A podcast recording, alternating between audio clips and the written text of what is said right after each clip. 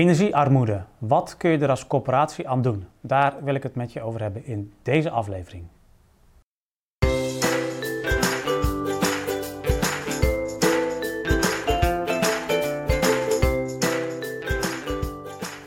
Ja, met de stijgende energieprijzen wordt het een steeds prangender vraag, ook voor jou als woningcorporatie. Wat ga je ook als corporatie doen aan de energiearmoede of in ieder geval het voorkomen daarvan zoveel mogelijk? Um, nog even los van uh, de jaarlijkse energieprijzenverhoging en de fluctuaties daarin en soms ook weer uh, een, een, meevaller of een beperking daarvan. Op langere termijn is het zo dat um, de verwachting toch wel zeer sterk aanwezig is dat de energieprijzen steeds verder en verder gaan, gaan stijgen. En zeker op het moment dat je gebruik blijft maken van gas en veel elektriciteit, ja, uh, dan ga je gewoon veel geld be betalen als bewoner en dus ook als huurder van de corporatie. Met andere woorden, ook die energielasten, um, en dat is natuurlijk al jaren aan de gang, maar het wordt nu ook weer des te prangender nu we ook al echt um, ja, het hebben over energiearmoede specifiek.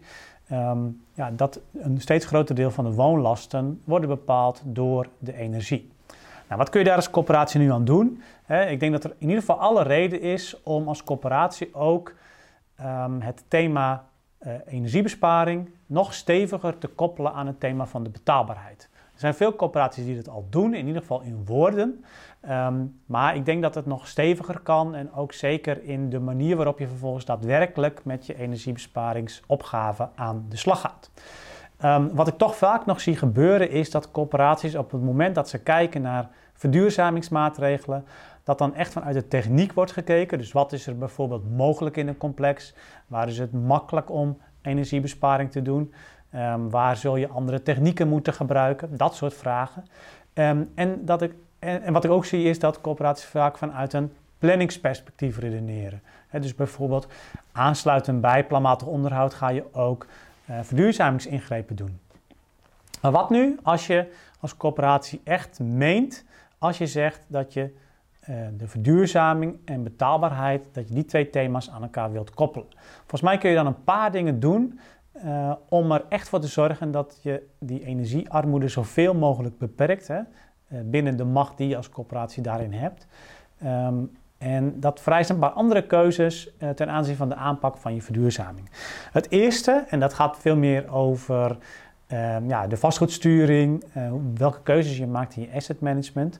Ga eens kijken bij welke complexen en bij welke woningen je uh, investeringen in verduurzaming en in energiebesparing nu het meeste rendement opleveren in de zin niet zozeer van CO2-besparing of labelstappen, maar echt in de zin van feitelijke uh, besparing aan euro's voor de huurder. Waar levert het het meeste op? En betrekt daar ook bij welke inkomens hebben de mensen die in die woningen wonen. Hè, misschien heb je wel tien complexen waar je, waar je best wel veel op de energierekening kunt besparen voor mensen door daarin energiebesparende maatregelen te investeren.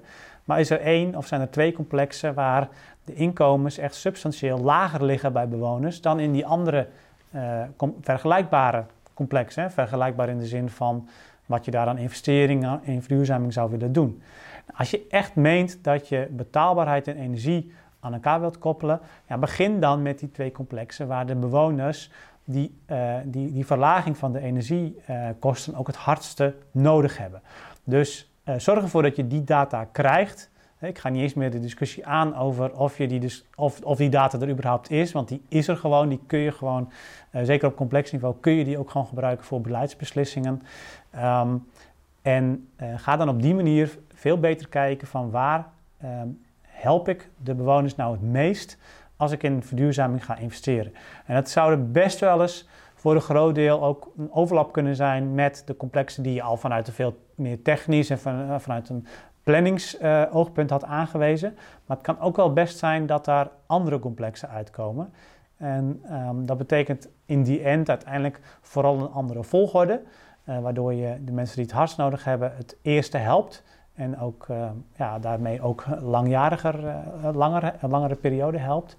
Um, en want uiteindelijk ga je natuurlijk wel alles weer verduurzamen. Dus hè, vanuit, je, vanuit het CO2-besparing um, ja, kom je uiteindelijk in 2050, als het goed is, ook toch wel weer op hetzelfde punt uit.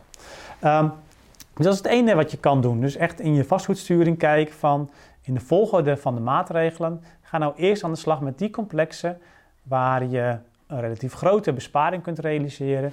En waar ook de mensen wonen die dat het hardste nodig hebben, puur financieel gezien. Nou, een tweede ding wat je nog kan doen, en dan ga je echt veel meer kijken naar betaalbaarheid en naar ook ehm, individuele betaalbaarheid.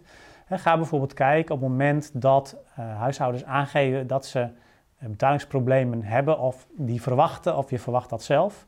Uh, ga dan ook kijken of je misschien ook niet alleen iets in de huur kunt doen voor mensen, maar ook in de energielasten. Als mensen een huishouden wat in een eengezinswoning woont, leg daar bijvoorbeeld zonnepanelen uh, met voorrang op het dak, zodat je mensen ook helpt om hun energielasten omlaag te brengen. Um, wat ook kan, is dat je bijvoorbeeld ook al de, uh, de energiebesparing ook meeneemt in het gesprek over woningtoewijzing. En op het moment dat je verwacht dat het lastig is voor een toekomstige huurder om de woonlasten daadwerkelijk te kunnen blijven betalen, Um, dat daar in ieder geval een wat groter risico zit dan gemiddeld. Ja, ga dan ook kijken van kun je daar ook nog iets aan doen met energiebesparende maatregelen. Of kan die huurder daar misschien zelf ook iets aan doen. Een derde ding wat je ook nog zou kunnen doen, en daar moet je heel goed kijken van of dat dan uh, ja, bij die specifieke uh, groep mensen of bij, bij dat specifieke huishouden of dat dan past. Uh, maar wat je natuurlijk ook nog zou kunnen overwegen is zelfs dat je juist de mensen die um, het hardste een verlaging van de woonlasten nodig hebben, dat je die ook laat participeren in bijvoorbeeld experimenten voor het uittesten van nieuwe technieken, zodat ze ook in ruil voor een aanzienlijke besparing op hun energielasten ook, uh, ja, uh, ook kunnen meedoen aan dat onderzoek. Hè, zodat je ook echt een win-win situatie krijgt waarbij mensen ook zelf een inzet leveren. Nou, dat zijn een paar ideeën waar je mee aan de slag kunt.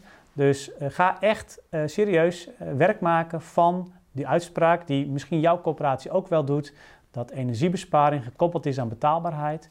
Uh, laat dat terugkomen in de manier waarop je keuzes maakt ten aanzien van je vastgoedsturing.